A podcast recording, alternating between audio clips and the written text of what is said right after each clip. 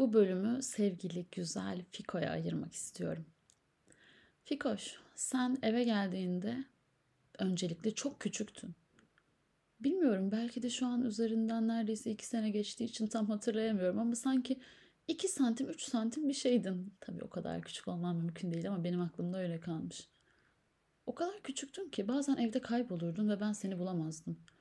Bir dolabın arkasında, yatağın köşesinde, sandalyenin altında. Her yerde olabilirdin. Seni evde kaybederdim. Üstelik ev 60 metrekare bir şeydi. yani evde böcek bile kaybolmaz. Sen o kadar küçüktün ki Fiko. Geceleri benimle birlikte uyurdun. Yatağa yatardın. Yorganın altına girerdin ve ben bütün gece hiç kıpırdamazdım. Çünkü seni yalnızlıkla ezmekten o kadar korkardım ki. Bir gece yorganın altında uyurken ki yorganın altında da nasıl uyuyorsun tam hala hala çok garip geliyor. İnsan yorganın altında boğulmaz mı? Gerçi sen insan değildin ama ama sonuçta bir canlıydın. Nefes alman gerekiyordu. Bir gece yorganın altında uyurken miyavlamaya başladın ve ben de sana bir şey oldu sandım. Yorganı kaldırdım ama yorganın altında yoktun ama bir yandan da ses yorganın altından geliyordu. Sonra yorganın o örtüsünden içeri pamuklu kısmının arasına girdiğini fark ettim. Sen çıkmaya çalışıyordun ama ben bir türlü oraya nasıl girdiğini bulamıyordum. Yorganın e, yırtık ya da açık kısmını bulmaya çalışıyordum. Ve böyle birbirimize girmiştik. Gecenin saat 3'ü falandı. Sonra sen çok yaramaz bir kediydin Fiko. Hiç yerinde durmazdın. Hiç söz dinlemezdin. Çok başına buyruktun. Ki gerçi iyi ki de öyleydin. Çünkü ben de uslu kedilerle nasıl baş edilir hiç bilmiyorum. Dinsizin hakkından imansız gidilmiş. İşte sen o imansız kedi sendin. Hiç yerinde durmazdın Fiko. Hep koşardın, koşardın, koşardın. Mutfağın başından salonun öteki tarafına kadar. Eski evdeyken de benim odamın köşesinden salonun diğer köşesine kadar. Çünkü en uzak mesafe oydu. Ve bazen duramazdın, kafanı çarpardın. Sonra çok garip çünkü ben de seninle birlikte koşardım. yani seni durdurmaya hiç çalışmazdım. Çünkü işte çünkü ben de demek ki bazen koşmak istiyorum ama 25 yaşında bir kadın koşunca pek de mantıklı görünmüyor insanların gözüne. O yüzden daha kediyi kovalıyorum. İşte bahanem bu oluyormuş. Sonra Fiko sen evet gerçekten yaramazdın. Notlarımı parçalardın, kitaplarımı yerdin. Eve getirdiğim bütün çiçeklerin içinden geçtin. Hiçbirine yaşama şansı vermedin. Her taraf topraktı. Bütün gün toprak süpürürdüm. Sonra o çiçekleri yerdin. Sonra da onları kusardın. ne zaman yemek yapacak olsam yani bir yerlerde salınması için tavuk bırakacak olsam ve dalgınlığıma gelse mutfağın kapısına aralık bırakacak olsam sen onu yerdin. Sonra bütün yemeğimi rezil ederdin. Evet. Ne kadar yaramaz bir kediymişsin. Gerçi son üç ay hiç koştuğunu görmedim. Öyle yemek yemek de istemiyordun artık. Küçücük kalmıştın tekrar. Veterinerler sana fip dediğinde ilk başta çok üzüldüm.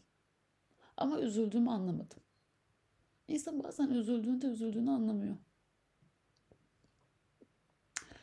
Üzüldüğümü ne zaman anladım biliyor musun? Bir cumartesi günü tekrar veterinere gidiyorduk. Pardon, pazar günü.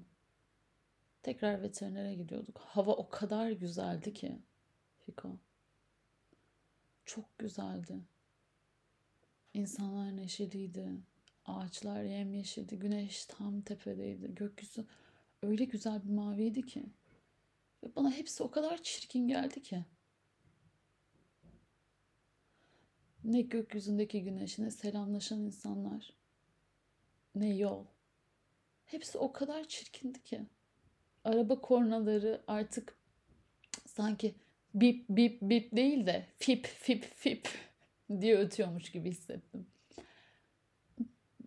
P ve P harfinden beri nefret eder oldum ve o zaman evet üzüldüğümü anladım.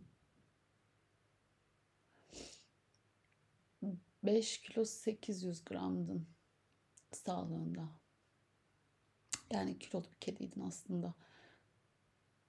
Sürekli ya zayıflaması lazım zayıflaması lazım diye düşünüyordum. Zayıflamanı diliyordum. Ama insan bazen ne dilediğine dikkat etmeli. Öldüğünde iki yedi yüzdün. Yani hiçbir şey değildin. Hafiftin. O kadar hafiftin ki kuş kadar. Belki kuştan bile hafif.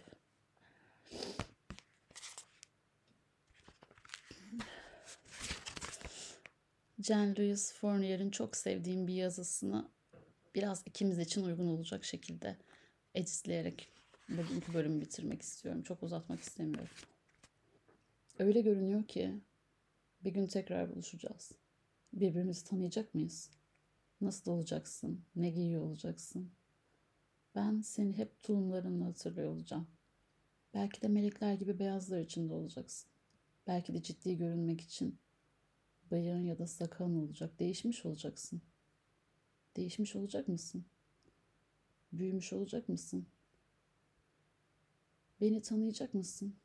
Çok kötü bir halde yanına gelebilirim. Bu dünyadayken Türkçeyi anlamadığından ve ben de kedice bilmediğimden dünyada sana söyleyemediklerimden bahsedebilecek miyim? En sonunda oturup biraz konuşabilecek miyiz? Sana en son seni seviyorum ve iyi geceler demiştim. Daha hiç sabah olmadı.